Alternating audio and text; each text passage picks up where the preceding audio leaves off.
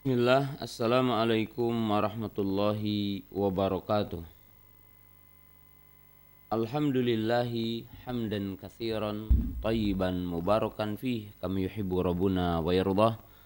Ashhadu an la ilaha illallah wahdahu la syarikalah wa ashhadu anna Muhammadan abduhu wa rasuluh. Wassalatu wassalamu ala Rasulillah wa ala alihi wa ashabihi wa man tabi'ahum bi ihsanin ila yaumiddin amma ba'du. Kaum muslimin, sahabat Riyadul Jannah di mana berada, Alhamdulillah pada kesempatan pagi yang berbahagia ini dengan izin dan kudratul Allah Subhanahu wa taala kita dapat berjumpa kembali dalam uh, pembahasan-pembahasan ilmiah berkaitan dengan ahkam fikih, hukum-hukum seputar fikih yang kita tetap mengambil dari kitab Bulughul Maram min Adilatil Ahkam. Kita dalam pembahasan bab yang tentunya ini adalah satu hal yang berkaitan dengan kehidupan wanita ya. Yaitu berkaitan dengan ahkamul haid wan nifas wal istihabah. Itu hukum-hukum seputar haid, nifas dan istihabah. Kita telah menjelaskan bahwa poin yang pertama kita bahas di pagi yang berbahagia ini adalah berkaitan dengan hukum-hukum istihabah ya. Kita belum memulai dengan hukum-hukum headnya.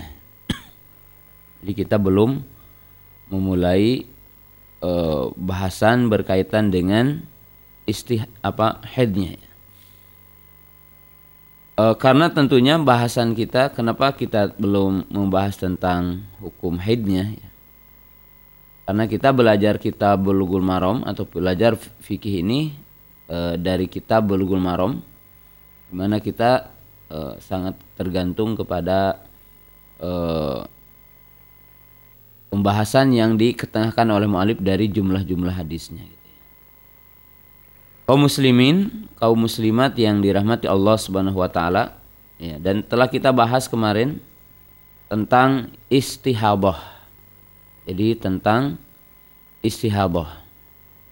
Kemarin kita telah bahas tentang istihabah dan kita telah jelaskan ya istihabah yaitu definisi dari istihabah ya jadi tentunya kita kembali lagi untuk mengingatkan sekilas bahwa darah yang keluar dari faraj wanita itu ada tiga ya. Damul haidi, darah haid, damun nifasi, darah nipas, dan yang ketiga adalah damul istihabah, yaitu darah istihabah.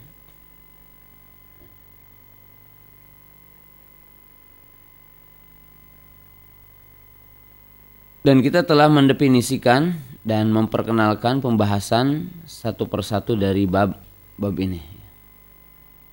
Kemudian kita bahas tentang darah istihabah. Darah istihabah kemarin telah dijelaskan yaitu jaroyanu damil mar'ati min farjiha fi awanihi au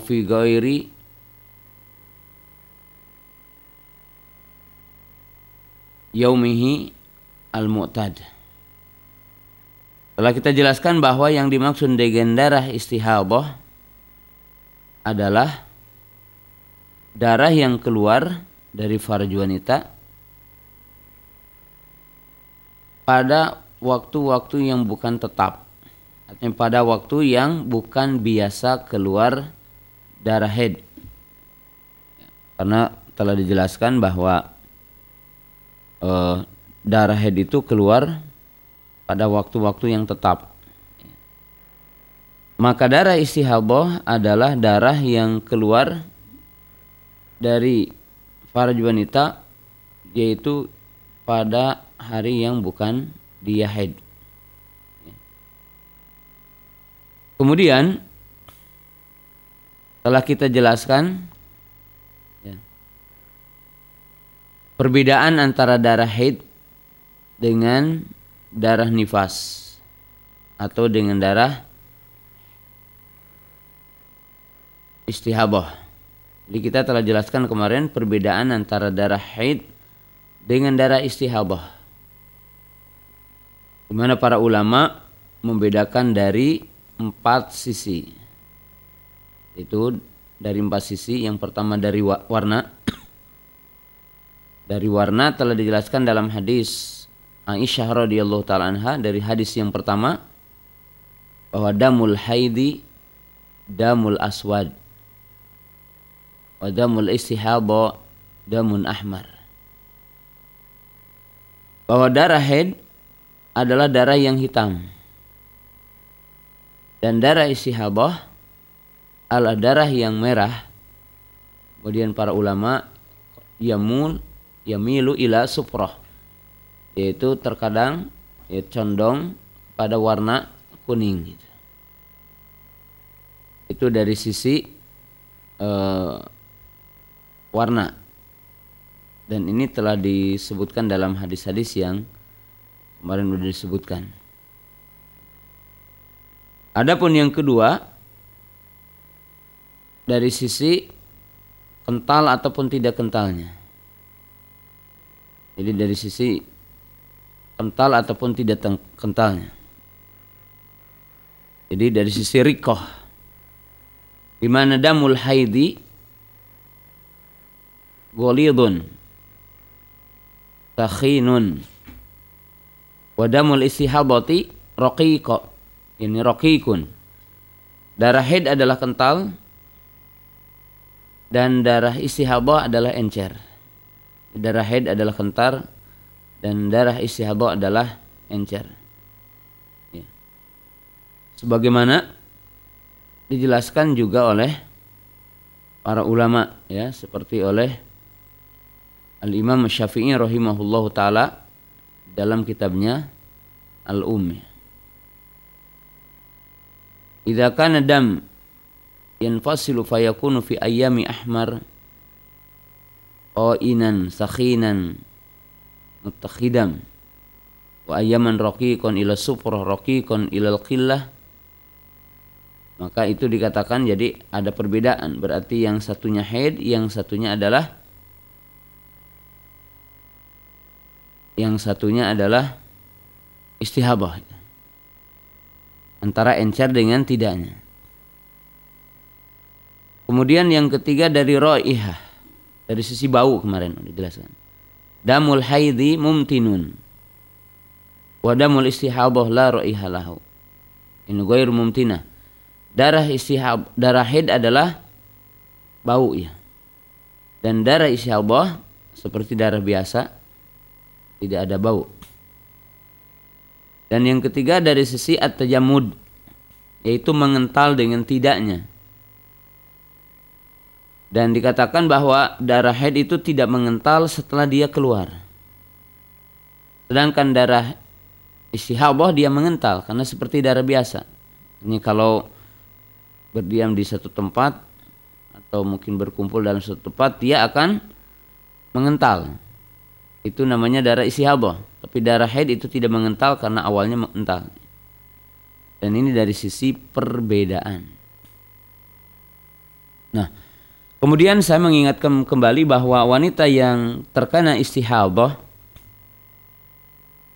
dari hukum berkaitan dengan haidnya. Jadi maksudnya para umahat yang dirahmati Allah Subhanahu wa taala jika seorang wanita terkena penyakit istihadah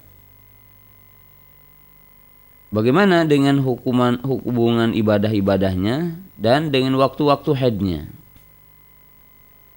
Maka telah dijelaskan oleh para ulama bahwa wanita yang istihadah itu ada empat kondisi. Jadi apa? Ada empat kondisi. Ada empat kedudukan. Yang pertama, apabila si wanita itu punya kebiasaan haid sebelum istihadahnya. Jadi seorang wanita itu sebelum terkena penyakit istihadah dia punya kebiasaan head yang tetap. Jadi punya apa head yang tetap. Maka gampang baginya dia meninggalkan sholat di hari-hari yang dia biasa head. Hal ini berdasarkan hadis Aisyah yang kemarin kita telah bahas. Ya. Itu hadis Aisyah radhiyallahu taala. Wa idza akbalat haidatuki fada'i salat. Wa idza adbarat fagsili anki wadam adam waqtas wasalli di mana Nabi SAW mengatakan apabila datang waktu haidmu maka tinggalkanlah sholat otomatis puasa demikian juga jima. Dan apabila telah pergi waktu haidmu maka mandilah dan sholat setelah itu. Ya. Yang kedua adalah orang yang memiliki tamiz artinya di sini tamiz orang yang bisa memisahkan warna darah. Orang yang memisah mampu memisahkan darahnya. Jadi yang bisa melihat kondisi darahnya. Sedangkan dia tidak punya kebiasaan sebelumnya. Bahkan mungkin kebiasaannya uh, apa? tidak tidak kontinu ya headnya itu. Kadang di awal bulan, kadang di akhir bulan. Tetapi dia memiliki ke, bisa untuk membedakan darah-darahnya itu. Maka tentunya seukuran dia melihat darah tadi. Kalau dia melihat darahnya darah hitamnya ya itu selama tujuh hari dan darah setelahnya adalah merah maka sekitar tujuh hari itulah dia meninggalkan sholat tidak boleh berjima dan tidak boleh baginya apa? Puasa. Yang ketiga apabila kedua-duanya ada yaitu dia punya kebiasaan sebelumnya dan dia juga bisa membedakan darah. Maka apabila bertepatan antara uh, al-adah wa tamyiz maka ini mudah berarti selama itulah dia meninggalkan sholat puasa dan tidak tidak berjima ya. tapi kalau terjadi berbeda antara waktu kebiasaan headnya dengan warna darahnya maka mana yang harus dipakai maka kemarin telah dijelaskan bahwa ada perbedaan tetapi yang kuat wallahu alam diambil dengan kebiasaan.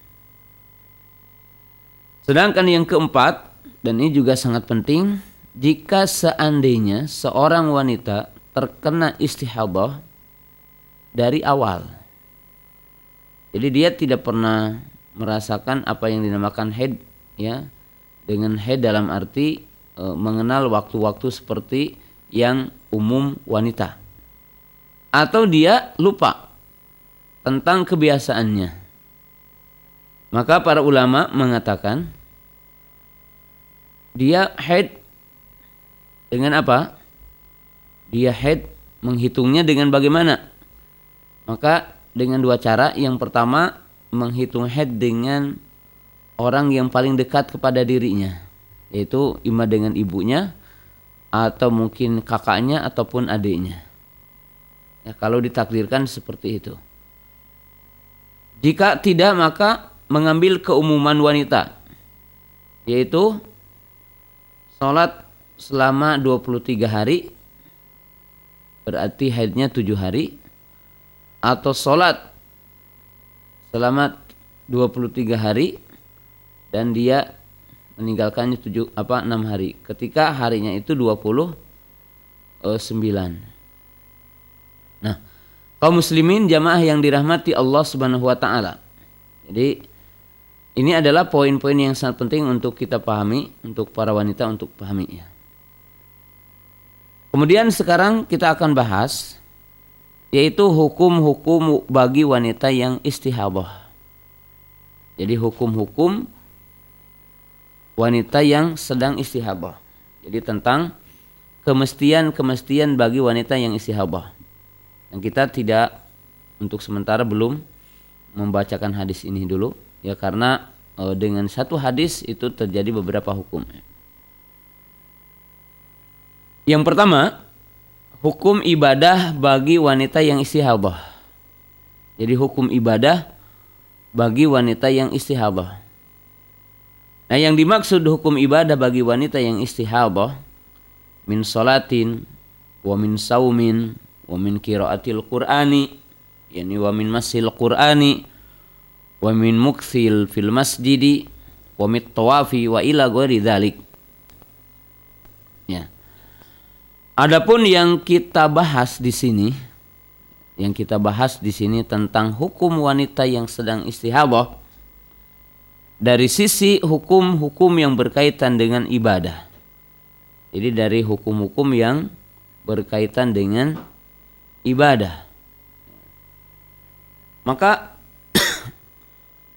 para umahat, para ibu yang dirahmati Allah Subhanahu wa taala, bagaimanakah hukum-hukum ibadah bagi orang yang istihabah? Wajib dipahami oleh para umahat, oleh para wanita bahwa wanita yang istihadah itu dituntut untuk menunaikan ibadah-ibadah. Jadi dituntut untuk menunaikan ibadah-ibadah. Tetap baginya adalah wajib sholat, tidak menghalangi dia untuk sholat, tidak menghalangi dia untuk puasa, tetap dia wajib puasa apabila di bulan Ramadan. Tetap dia juga diperbolehkan dalam hal ini untuk melakukan takorub-takorub yang lain, yaitu amal-amal soleh yang lain. Ya, seperti seorang wanita ingin membaca Al-Quran yang sedang isi habah, seperti dia juga boleh itikaf. Kalau di waktu itikaf kalau dia ingin itikaf dengan syarat-syarat tentunya sebagaimana juga dia boleh untuk bertawaf artinya kalau ditakdirkan sedang menunaikan ibadah haji atau sedang menunaikan umrah ataupun mungkin juga tawaf sunnah maka dia tetap diwajibkan berumroh apabila umroh itu wajib dan baginya juga adalah boleh untuk tawaf sunnah. Hal itu berdasarkan hadis yang kemarin kita telah jelaskan yaitu hadis Aisyah dari kisah Fatimah binti Abi Khubais radhiyallahu taala anha. Aisyah radhiyallahu taala anha berkata, telah datang Fatimah bin Abi Khubais kepada Nabi sallam, faqalat Ya Rasulullah ini mra'atun ustahadu fala adhuru afa'ada is salata qala la inama dzalika irkun Di mana Nabi SAW ditanya oleh Fatimah binti Abi Khubaish, semoga Allah Ta'ala meridai kepadanya. Beliau berkata, wahai baginda Rasulullah, apakah bagi wanita harus meninggalkan sholat? Atau Beliau menceritakan terlebih dahulu, "Ya Rasulullah, aku adalah wanita yang istihabah dengan istihabah yang banyak, ya. Dan tidak suci-suci." Beliau dan tidak suci-suci. Apakah aku harus meninggalkan sholat? Ya. Jadi wanita itu bertanya dan Fatimah binti Abi Hubes berkata, apakah aku meninggalkan sholat? Maka Nabi Shallallahu Alaihi Wasallam mengatakan tidak, ya, tidak, tidak. Akan tetapi meninggalkan sholat di waktu-waktu yang dia head. Nah di sini menunjukkan bahwa wanita yang istihabah itu tetap wajib sholat, tetap dia wajib sholat, wajib puasa. Ya otomatis kalau sholat tidak terlarang, yang lainnya juga tidak terlarang. Itu secara kaidah walaupun tidak buntoridah. Artinya bukan kaidah yang tetap ya. Maka di sini menunjukkan seluruh bentuk-bentuk ibadah adalah dibolehkan. Di apa? E, dibolehkan. Dibolehkan di sini. Ini dalam bentuk-bentuk ibadah di, dianjurkan dia dan dituntut apa yang wajib dituntut baginya ya dan apa yang mustahab juga dianjurkan baginya. Ya. Jadi para umahat yang dirahmati Allah Taala wanita yang isi habah itu e, dibolehkan bagi dia untuk apa? Untuk tetap artinya di sini dituntut untuk menunaikan ibadah kepada Allah Subhanahu wa taala. Dan ini adalah hal yang dinukil ijma kesepakatan para para ulama. Ini yang pertama. Yang kedua, dari sisi hukum wanita yang istihadah dari hukum berjima. Jadi bolehkah wanita yang istihadah dia berjima? Jadi wanita yang istihadah adalah berjima. Maka kaum muslimin yang dirahmati Allah Subhanahu wa taala dan para ummahat yang dirahmati Allah Subhanahu wa taala, maka di dalam bab ini dalam bab yang sangat penting ini ya bahwa wanita yang istihabah itu dibolehkan untuk berjima. Jadi boleh untuk dijima. Tidak haram dijima wanita yang sedang istihabah. Jadi tidak ada larangan bagi wanita yang sedang istihabah untuk dijima. Ya, tidak ada larangannya. Ya, bagi wanita yang istihabah untuk dijima. Ini adalah poin yang kedua.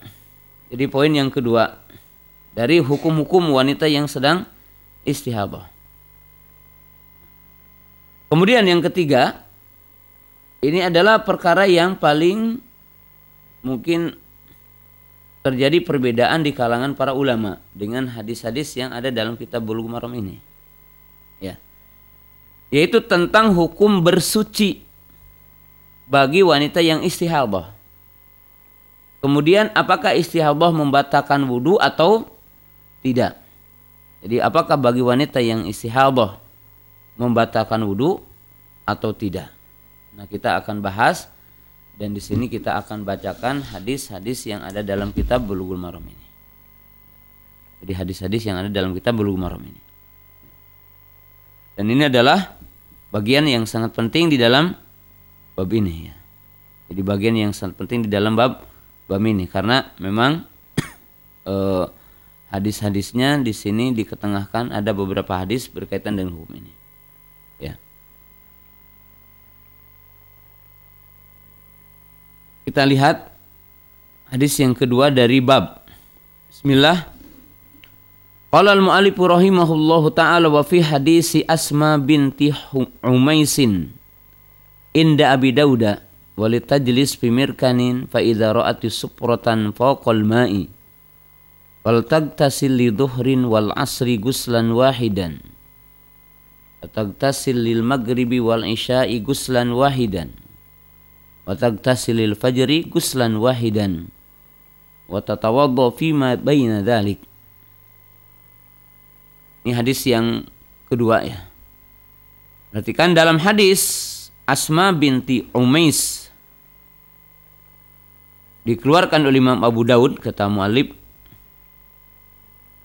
rahimahullahu taala wanita yang istihadah bagaimana dia mengenal darahnya gitu ya. Maka di sini dikatakan dan adalah dia ya duduk ya pimirkan yaitu di sini adalah wi'a ataupun bezana untuk mencuci pakaian. Jadi bezana untuk mencuci pakaian.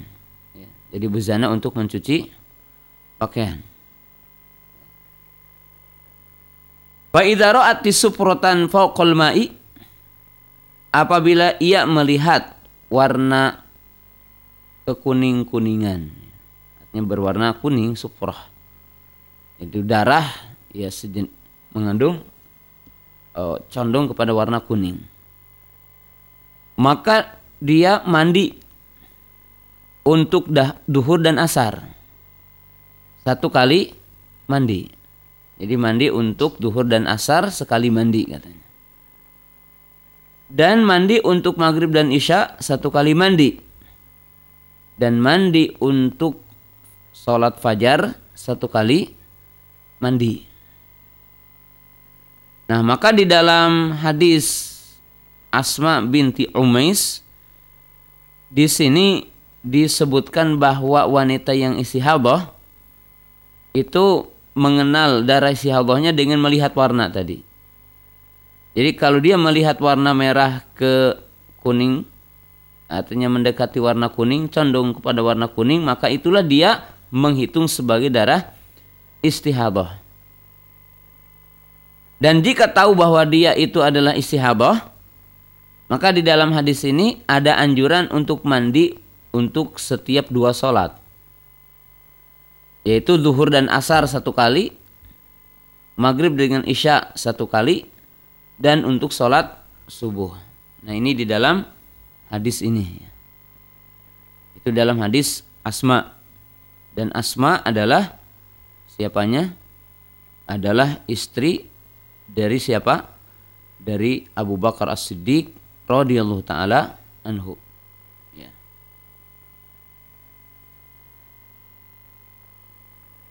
Jadi dari istri Rasulullah apa dari menjadi istri siapa? Abu Bakar As-Siddiq radhiyallahu taala anhu. Ya.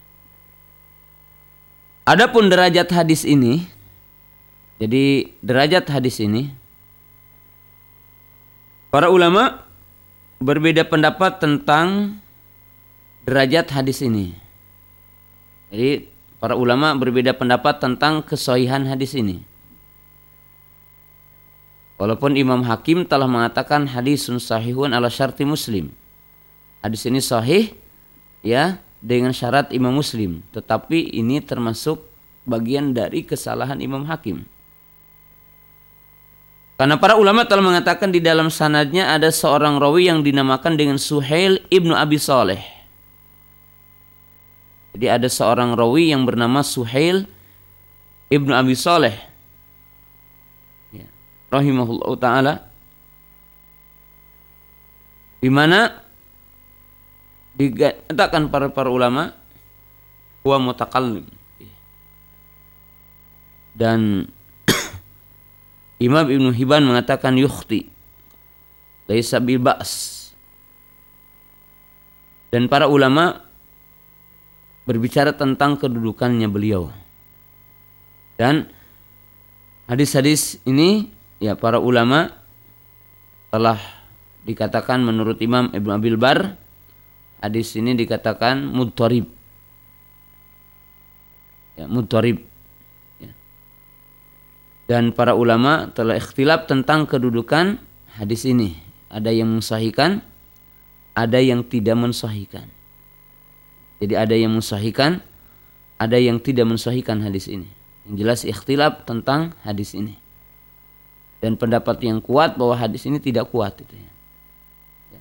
Dari sisi uh, hadis. Ketika dia menyendiri dalam kondisi hadis ini. Nah, adapun dari sisi hadis ini bahwa hadis ini memberikan satu penjelasan bahwa wanita yang istihadah itu mandi untuk dua sholat. Dengan satu kali mandi. Yaitu zuhur dengan asar ya satu kali mandi. Maghrib dengan isya satu kali mandi. Dan mandi untuk sholat fajar adalah satu kali mandi.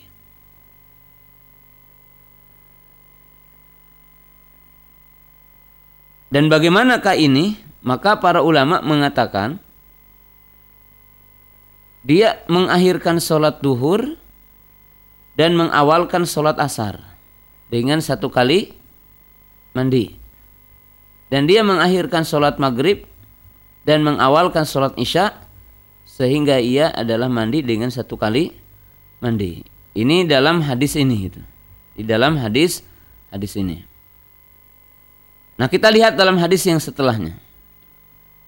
Qala an Hamnah binti Jahshin qalat kuntu ustahadu haidatan kabiratan syadidatan Fa'ataitu Nabiya sallallahu alaihi wasallam astaftihi faqala innama hiya raqdatun minasyaitan. Fatahayyali sitata ayyamin aw sab'atan thumma igtasili.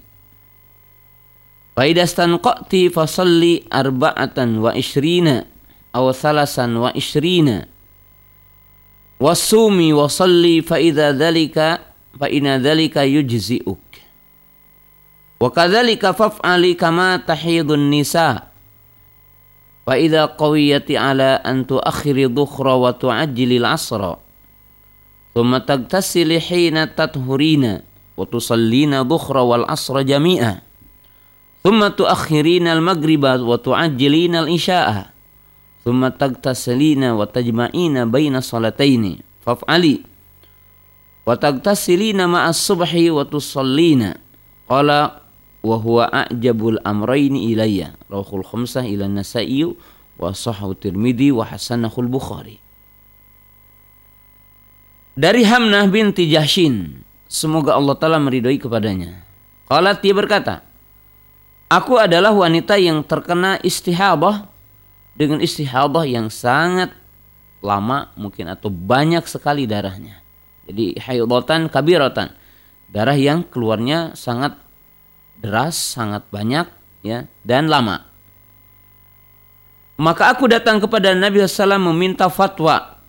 Jadi beliau datang kepada Nabi SAW dan beliau meminta fatwa. Artinya meminta penjelasan dan di sini salah satu kaidah yang sangat agung bahwa bagi orang yang ingin tahu agama maka baginya adalah untuk bertanya kepada orang alim dan dalam hal ini tentunya para sahabat kepada Nabi SAW dan kita kepada orang-orang alim. Maka dikatakan baginya sesungguhnya itu adalah rokbatun minasyaiton. Jadi dikatakan adalah penyakit yang dihembuskan ya oleh syaiton laknatullah. Ya. Jadi di sini adalah penyakit yang dipukulkan atau yang dilemparkan oleh syaitan laknatullah. Maka dikatakan di sini. Maka headlah enam hari atau tujuh hari. Jadi headnya headlah enam hari atau tujuh hari di sini. Ya. Dan mandilah. Iya, antara dia head enam hari atau antara head dia tujuh hari.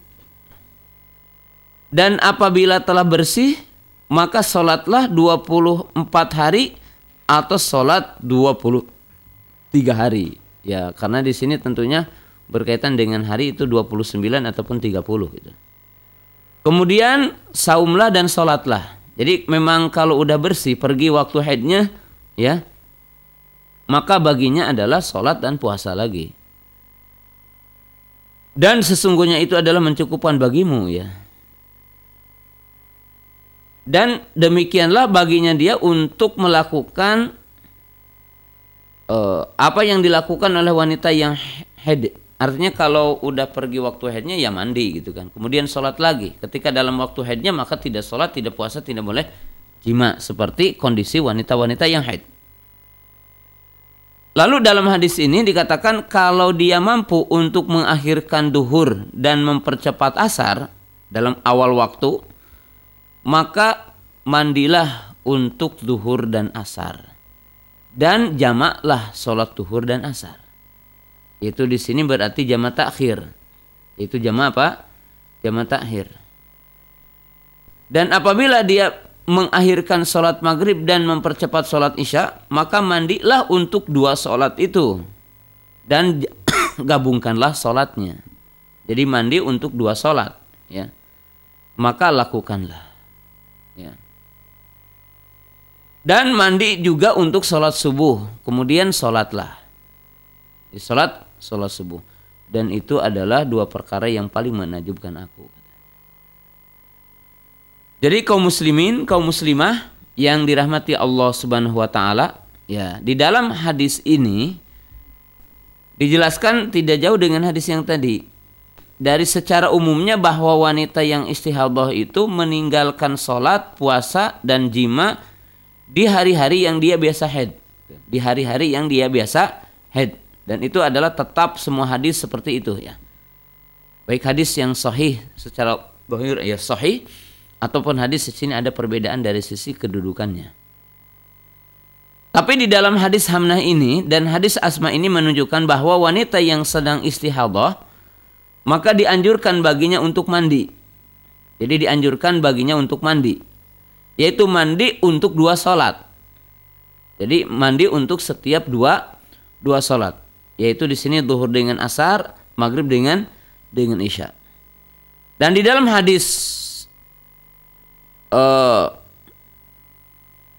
di sini dalam hadis yang ketiga ini yang kita bacakan barusan bahwa wanita yang istihadah itu dalam hadis Hamna itu mengga, boleh menggabungkan sholat artinya boleh dia menjamak sholat dengan mengakhirkan sholat duhur ke, ke asar dengan mengakhirkan sholat isya, eh, maghrib ke isya dia mandi untuk dua sholat itu lalu dia menjamak sholatnya dan untuk subuh adalah dengan mandi dan sholat subuh.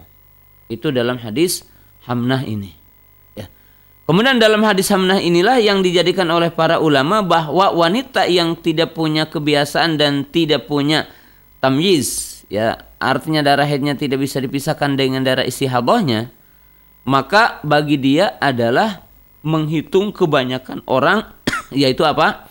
Head yaitu antara sholat 24 hari atau sholat 23 hari yaitu berarti haid antara 6 atau 7 hari. Haid antara 6 atau 7 hari ya bagi dia. Dan ini adalah hadis yang dibawakan oleh mualif di sini. Hanya saja para ulama juga berbicara tentang derajat hadis ini. Jadi derajat hadis ini ikhtilaf para ulama dari sisi sohihnya dan baibnya. Nah, dari sisi kebaikan dalam hadis ini, para ulama telah menjelaskan karena di dalam hadisnya ada seorang rawi yang bernama ya Abdullah ibnu Muhammad ibnu Uqail.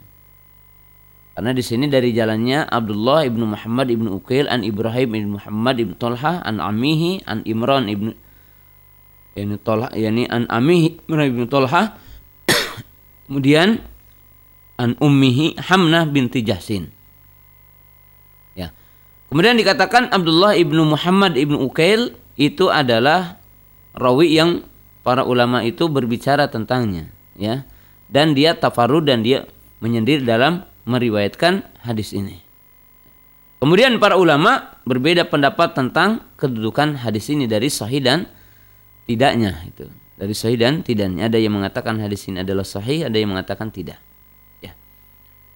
Nah, kita uh, akan ambil poin yang ketiga dari hadis yang kita bacakan di kesempatan pagi hari ini. Ya. Kita ambil hadis yang ketiga. Qala an Aisyah radhiyallahu taala anha anna Habibata binti Jahshin syakat ila Rasulullah ad-dam. Faqala umsuki qadra maka natahbisuku haidatuki Thumagtasili fakana tagtasilu likulli salatin rawahu muslimun. Wa fi riwayatin lil Bukhari wa tawadda'i likulli salatin wa hiya li Abi Dauda wa ghairihi min wajhin ahar. Kemudian yang selanjutnya adalah hadis Aisyah radhiyallahu taala anha yaitu tentang kisah Habibah binti Jahshin. Beliau datang kepada Nabi SAW mengadu tentang darahnya. Artinya tentang darah yang keluar dari farajnya. Dan ini tentunya berkaitan dengan istihabah. Maka beliau berkata, Um kusi, diamlah. Artinya jangan sholat, jangan puasa, dan jangan berjima. Qadra makanat tahbisuki. Di waktu datang waktu haidmu. Kemudian mandilah. Kemudian apa? Mandilah. Dan beliau mandi dalam setiap waktu untuk sholat. Jadi beliau mandi dalam setiap waktu untuk sholat. Rawahu Muslim. Ini riwayat Imam Muslim. Dan dalam riwayat Imam Bukhari wa tawadhu'i likulli salatin dan sholatlah dalam setiap waktu untuk sholat. Jadi dan sholatlah dalam setiap waktu untuk untuk sholat. Maka di dalam hadis Aisyah yang diriwayatkan oleh Imam Muslim, di sini tidak ada perintah untuk mandi. Tetapi sigohnya mandi dengan pilihannya beliau. Berarti ini mandi bukan atas perintah Nabi SAW. Tapi beliau memilih untuk mandi dalam setiap sholat. Jadi mandi dalam setiap untuk sholat. Sedangkan dalam hadis riwayat Bukhari, beliau apa? mengatakan dan wudhulah dalam setiap waktu sholat. Jadi dan wudhulah dalam setiap waktu untuk sholat. Nah sekarang kita akan jelaskan dari hadis-hadis ini. Ya. Dari hadis-hadis ini maka kita berbicara tentang hukum bersuci bagi wanita yang istihadah. Jadi hukum bersuci dari wanita yang istihadah. Nah, tadi telah dijelaskan bahwa dia wajib mandi itu ijma apabila waktu haidnya berhenti. Artinya gini, kalau wanita itu sedang istihadah lalu disebutkan poin yang telah lalu bahwa dia tidak sholat, tidak puasa, tidak boleh berjima di hari-hari yang dia haid. Ya, umpamanya sebelum istihadah dia haid 8 hari. Maka 8 hari itulah dia tidak boleh puasa, tidak boleh sholat, tidak boleh jima. Jika pergi waktu haidnya, maka ijma bagi wanita itu adalah untuk mandi. Yaitu mandi janabah. Mandi dengan mengguyur seluruh anggota badannya. Ya. Lalu setelah itu dia sholat kembali, puasa kembali dan boleh berjima setelah itu. Berarti di sini wanita yang isi hadah mandi apabila setelah dia selesai headnya. Jadi mandi apabila dia setelah selesai headnya. Ini adalah tentunya yang ijma karena dalilnya sorry jelas dalam Sahih Bukhari Muslim dan Sahih. Sahih. Nah, tinggal di sini masalah yang lainnya. Yaitu apakah bagi wanita yang istihabah itu dianjurkan mandi dalam setiap waktu sholat? Atau dia mandi untuk dua sholat? Atau dia wudhu dalam setiap mau sholat? Jadi wudhu setiap mau sholat. Maka kaum muslimin jamaah yang dirahmati Allah Subhanahu wa taala ya di sini terjadi perbedaan-perbedaan para ulama di dalam hal ini. Ya. Jadi di dalam hal ini terjadi perbedaan-perbedaan di kalangan mereka. Ya.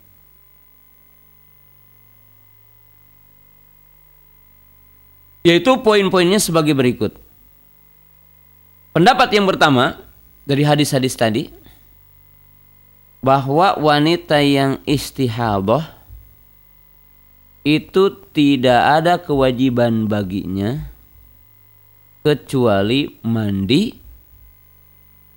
apabila telah pergi waktu headnya saja yaitu mandi satu kali ketika pergi waktu headnya dia tidak wajib mandi dalam setiap sholat dia tidak wajib mandi untuk dua sholat tapi dia wajib mandi hanya ketika pergi waktu headnya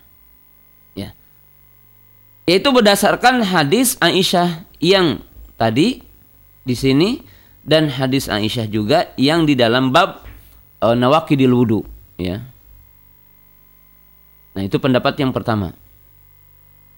Ya, dan itu pendapat dari jumhur ulama Malikiyah, kemudian Syafi'iyah dan uh, Hanafiyah ya. Bahkan Hanabilah. Jadi ini adalah pendapat jumhur. Yang kedua, kedua, pendapat yang kedua bahwa dia mandi dalam setiap mau sholat. Ya, jadi mandi dalam setiap mau sholat, yaitu berdalil dengan hadis Habibah ini.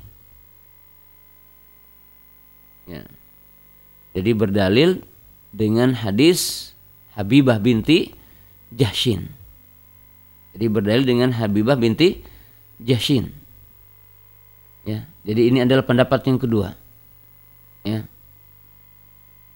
yaitu kata-kata watagtasilu likuli salatin dan dia apa mandi dalam setiap mau sholat itu pendapat yang kedua pendapat yang ketiga yaitu bermandi maksudnya bukan bermandi dia mandi untuk dua kali sholat ya, untuk dua kali sholat. Itu sholat maghrib, duhur dengan asar, ya. maghrib dengan isya kemudian tentunya ditambah dengan sholat duhur apa sholat fajar maaf sholat subuh sholat duhur ada sholat sholat subuh. Jadi sholat sholat subuh. Ya. Ini adalah pendapat yang ketiga. Jadi dia pendapat yang ketiga. Jadi dua sholat dua sholat ya. Ditambah dengan satu sholat duhur dengan asar isya dengan dengan maghrib. Ya. Dan ini adalah pendapat yang diriwayatkan dari Imam An-Nakhai rahimahullahu taala dan sejumlah para para ulama yang lang lainnya. Ya. Kaum muslimin jamaah yang dirahmati Allah Subhanahu wa taala. Ini adalah pendapat-pendapat ya. Pendapat-pendapat para para ulama. Yang rajih Allah taala alam di dalam bab ini bahwa dia tidak wajib mandi. Tetapi mustahab saja. Jadi mustahab saja kalau dia mau mandi, tapi tidak wajib. Karena dalil yang menunjukkan wajib yang sahih adalah yang ada dalam Sahih Bukhari dan Muslim itu hanya satu kali yaitu apabila telah pergi waktu haidnya. Ya. Sedangkan riwayat-riwayat yang lain ada dalam dua kondisi. Kondisi yang pertama adalah hanya perbuatan dari Habibah radhiyallahu taala anha. Jadi bukan sebuah perintah dari Nabi Shallallahu alaihi wasallam. Jadi bukan satu perintah dari Nabi Sallam maka itu hanya perbuatan saja, maka menunjukkan hanya sunnah saja. Yang kedua, bahwa hadis-hadis yang menunjukkan apa? Mandi untuk dua sholat itu mutakalam. Artinya hadis-hadis yang dibicarakan oleh para ulama ada-ada yang muntakidnya, ada yang mengkritiki, mengkritisinya dan banyak yang membaikkan hadisnya. Maka derajat yang kuat dalam hal ini bahwa wanita yang istihadah itu dia adalah mandi hanya ketika berhenti haidnya. Adapun mandi di luar itu maka hukumnya mustahab. Hukumnya adalah sunnah saja wallahu taala a'lam. Ini wallahu taala a'lam. Karena tidak ada hadis yang kuat perintah untuk mandi dalam setiap solat atau mandi untuk setiap dua solat. Wallahu taala a'lam. Jadi mandinya hanya mustahab saja. Mandinya hanya sunnah saja wallahu taala alam. Sedangkan poin yang selanjutnya adalah hukum wudhu bagi wanita yang istihadah. Jadi hukum wudhu bagi wanita yang istihadah. Jadi hukum wudhu bagi wanita yang istihadah.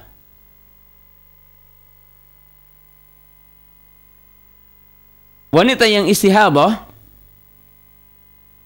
Apakah istihabah itu membatalkan wudhu atau tidak? Nah ini yang dibahas oleh para ulama. Apakah istihabah membatalkan wudhu atau atau tidak? Jadi apakah istihabah membatalkan wudhu atau atau tidak?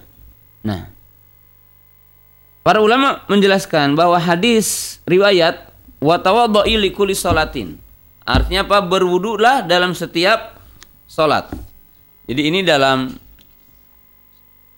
riwayat Bukhari di mana di situ disebutkan riwayat bahwa Nabi Shallallahu Alaihi Wasallam mengatakan wa tawadoi likuli salatin. Jadi dan berwudulah dalam setiap mau sholat. Jadi berwudu dalam setiap mau mau sholat. Maka riwayat ini, ya, riwayat ini sebagai dalil ya dijadikan dalil oleh para ulama. Oleh sebab itu ya di dalam kitab Bulughul Maram diketengahkan dalam bab apa? Dalam bab dalam bab wudu itu dari bab tentang pembatal wudu. Ya diketengahkan oleh Imam Ibnu Hajar rahimahullahu taala dalam bab pembatal wudu walaupun hadisnya berkaitan dengan apa? Dengan haid karena ada riwayat di sini wa tawaddu'i likulli salatin dan berwudulah dalam setiap mau salat. Ya. Tetapi Imam Ibnu Hajar mengatakan wa asyara muslimun ila annahu hadfah amdan.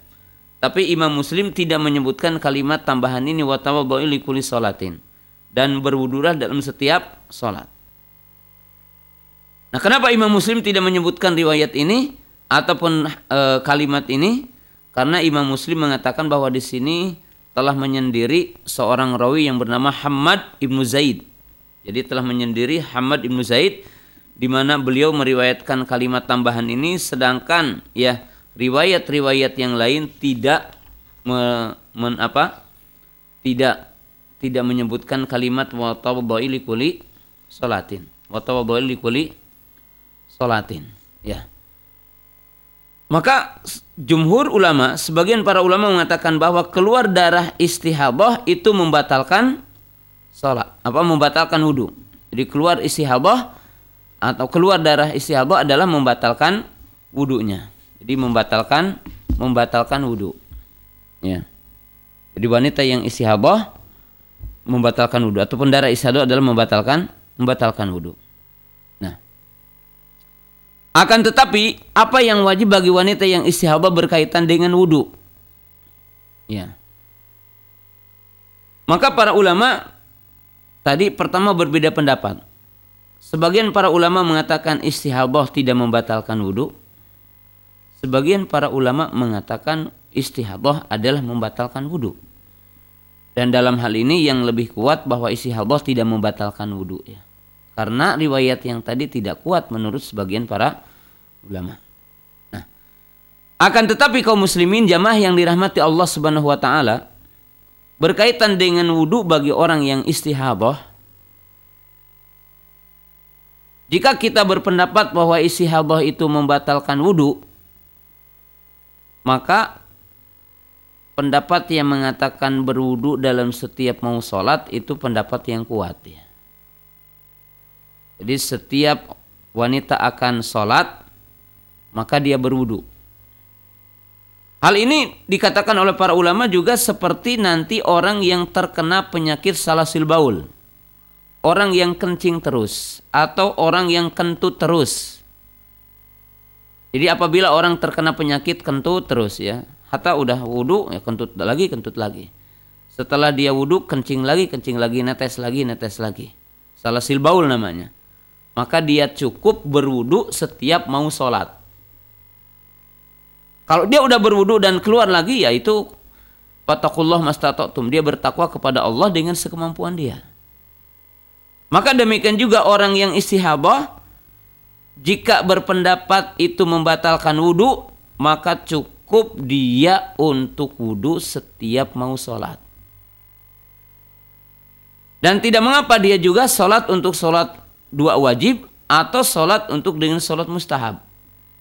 Ya kalau dia akan sholat qobliyah ataupun sholat ba'diyah, maka Allah Ta'ala dia tidak perlu meng, membaharui wudhunya lagi. Jadi dia tidak perlu untuk membaharui wudhunya lagi. Cukup dia itu untuk berwudhu ketika dia akan sholat. Baik sholatnya dengan fardu dengan wajib, ya, ataupun fardu dengan dengan fardu. Jadi wajib dengan wajib ataupun fardu dengan dengan fardu. Jadi kalau ditakdirkan dia akan menjama dua sholat, ya, maka dia tidak mengapa wudhunya sekali saja. Dan apabila ya apabila dia e, akan sholat qobliyah dia juga Allah taala alam baginya adalah untuk wudhu sekali saja gitu.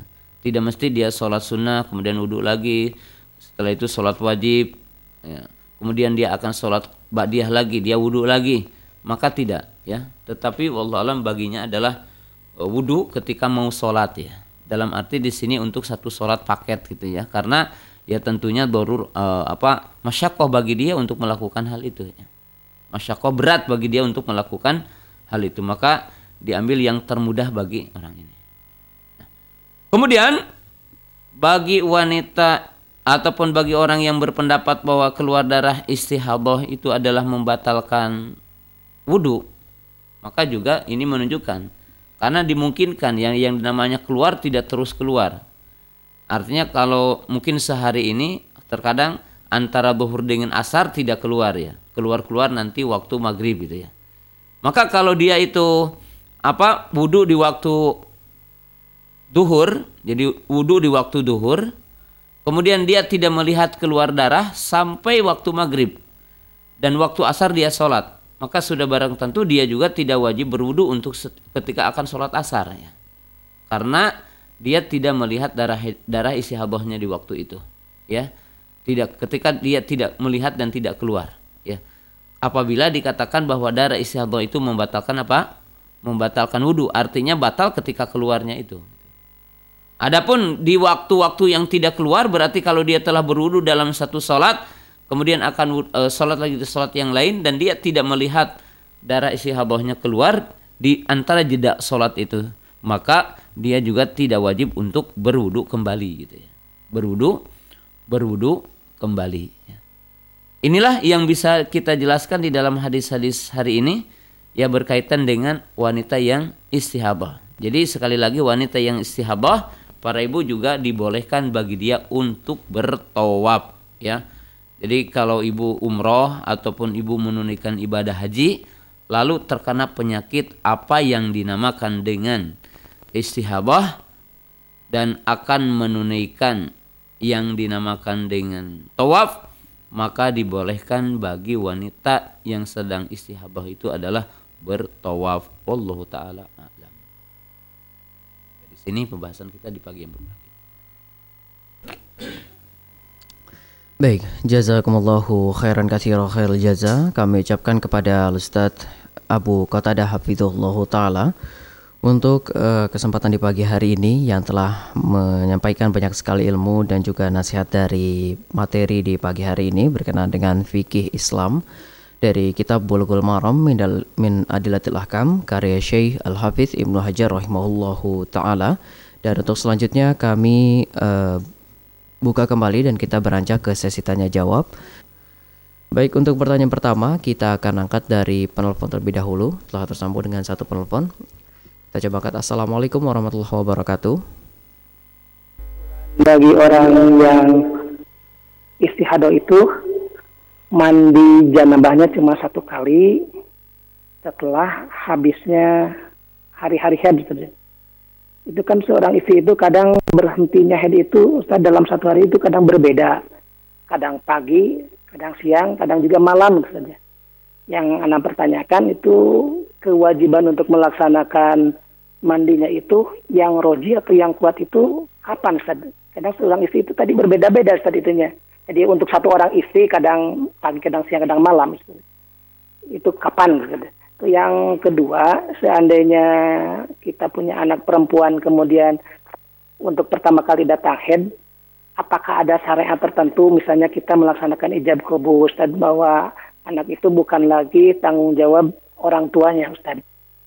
Mohon itu saja Ustaz pencerahan pencerahan dari Ustaz Jazakallahu khairan. Assalamualaikum. Waalaikumsalam warahmatullahi wabarakatuh. Baik. Ya, apa isinya? Untuk yang pertama Ustaz, uh, untuk disunahkan mandi, afwan, uh, di kewajiban mandi setelah haid itu misalkan dalam sehari itu berhentinya di pagi atau di siang hari atau di malam hari. Kemudian bagaimana tata cara mandinya? Apakah uh, boleh diakhirkan atau langsung mandi atau bagaimana Ustaz dalam satu hari itu? Ya, kalau berkaitan dengan kewajiban mandi setelah berhenti waktu haid ya, tentunya ya masalah wajibnya itu berkaitan dengan ibadahnya gitu ya. Jadi kewajibannya bukan berarti kalau pas berhenti langsung dia apa? harus mandi.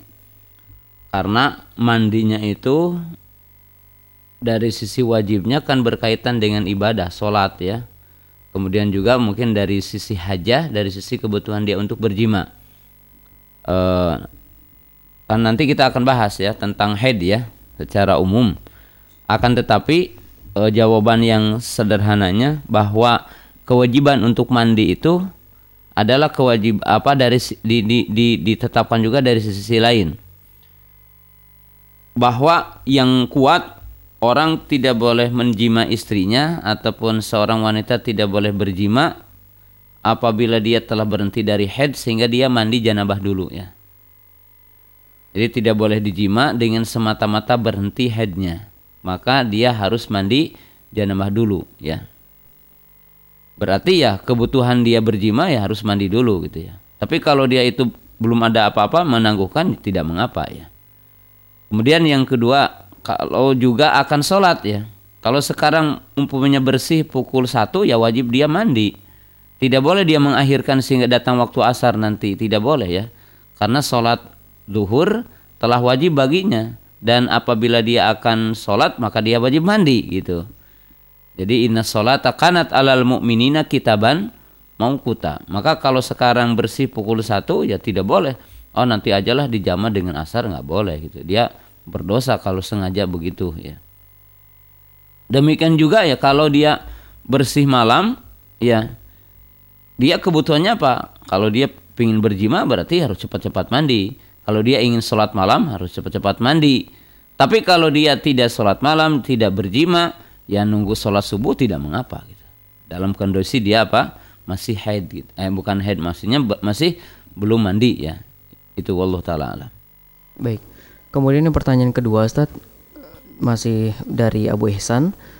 Apabila uh, seorang anak kita perempuan telah mulai hadsat, apakah kita harus melakukan perjanjian atau ijab kabul dengan dia bahwa uh, untuk dia bukan lagi tanggung jawab dari kita untuk dosa-dosanya Ustaz? Terima kasih dari Abu Ihsan. Ya tidak ada begitu juga kalau masalah hatta udah head ya. ya dosanya juga dosa bap bapaknya berdosa kalau tidak mendidiknya dan anak kecil juga tidak ditanggung dosa. Siapa yang menanggung dosa? Anaknya nggak ada. Dan perjanjian itu tidak ada, tidak ada. Yang harus di, diajarkan oleh bapaknya itu apabila telah haid maka ajarkan sebagaimana saya akan jelaskan nanti. Al haidu alamatul bulug. Haid itu adalah alamat bahwa si anak telah apa? Telah dewasa. Maka ingatkan oleh kita bahwa telah wajib kepadamu kewajiban-kewajiban ya yang apabila kamu itu meninggalkan maka engkau berdosa. Jadi kau berdosa bukan tadi dikatakan tanggung jawab enggak ada. Bapak yang tidak mendidik anaknya walaupun eh, apalagi udah dewasa berarti di sini apa? E, berdosa jelas ya. Maka oleh sebab itu Nabi SAW mengatakan ajari anak sholat tujuh tahun apabila sepuluh tahun maka pukul ya, pukul anak itu. Ya jadi dipukul anak 10 10 tahun ya. Apabila tidak menunaikan sholat itu ya. Jadi head adalah alamat dewasa. Jadi alamat buluk berarti anak itu telah terkhitob telah tertuntut dengan perintah-perintah ya. Jika dia meninggalkan perintah-perintah itu maka dia berdosa ya. jadi dia berdosa. Itu yang harus kasih tahu ya bukan bukan perjanjian Baik, jazakumullahu khairan katsira khairul jaza. Kembali kembali kami ucapkan kepada Al Ustaz Al Al Abu Qatadah hafizallahu taala untuk jawaban dari penanya kita yang pertama dari Abu Ihsan melalui telepon di pagi hari ini. Dan semoga menjadi kejelasan untuk dua pertanyaan telah disampaikan bagi penanya dan tentunya bagi para pendengar sekalian. Kemudian untuk pertanyaan selanjutnya kita akan bacakan dari pesan singkat melalui WhatsApp. Assalamualaikum warahmatullahi wabarakatuh. Dari Sri Yayu di Kota Tasikmalaya, Singaparna. Ustadz saya mau bertanya, eh, apakah hikmah dari dibolehkannya dijima bagi wanita yang istihadoh dan tidak dibolehkannya untuk wanita yang haid? Eh, apa perbedaan dalam dibolehkannya untuk dijima? Maaf, tolong dijelaskan Ustadz karena saya kurang mengerti, sekian dan terima kasih. Wassalamualaikum warahmatullahi wabarakatuh. Ada dua sisi ya. Yang pertama ya, kalau dalam hukum agama ya al aslu huwa al inqiyad wal istislam. Jadi hukum dalam agama hukum asal adalah tunduk dan patuh gitu. Tanpa kita harus mencari apa hikmahnya gitu. Tanpa kita harus mengetahui apa hikmahnya asal dalam hukum syariat adalah tunduk dan patuh. Artinya, kalau kita mendapatkan dalil dari Quran ataupun sunnah bahwa haid tidak boleh dijima dan istihadah boleh dijima, maka itu adalah cukup bagi kita untuk mengatakan aku mendengar dan aku taat. Ya. Adapun sisi yang kedua, adakah hikmah di dalamnya? Terkadang kita tahu, terkadang kita tidak tahu gitu ya. Jadi terkadang kita tahu, terkadang kita tidak tahu. Terkadang disebutkan hikmahnya di dalam dalil sekaligus, terkadang juga tidak. Nah, tentunya tidak ada dalam dalam dalil secara sekaligus antara istihadah dengan darah apa? Dengan darah head. Nah, akan tetapi para ulama telah menjelaskan, artinya ulama tib, ahli kesehatan telah menjelaskan bahwa eh, ketika di waktu head itu dijima memiliki bahaya ya, dari sisi kesehatan. Jadi memiliki bahaya dari sisi apa? kesehatan. Ya, jadi memiliki bahaya dari sisi kesehatan. Jadi termasuk akan berpotensi untuk penyakit kanker gitu ya. Baik dari pihak laki-laki ataupun pihak perempuan itu. Termasuk ya potensi berkaitan dengan apa? Berpotensi berkaitan dengan apa yang dinamakan juga jenis penyakit kista dan yang lainnya. Ya. Kalau seperti itu ya tinggal ditanyakan aja gitu ya. Mungkin berkaitan dengan hikmah ya terkadang sebagian dokter yang menelaah lebih dalam berkaitan dengan apa hikmah di, bukan berarti e, mereka lebih tahu hikmah tetapi mungkin dari penelitian kesehatan itu bisa diketahui ya. Di, bisa diketahui. Jadi bisa diketahui. Ya. Adapun dari sisi e, penelahan para ulama ya bahwa Kenapa wanita yang is, uh, haid itu tidak boleh dijima? Ya. Itu ada sisi pelajarannya. Pertama bahwa haid itu dinyatakan dalam kaidah cerai itu sebagai baraturahim. Jadi haid itu alamat tidak hamil gitu. Jadi alamat tidak hamil gitu. Ya.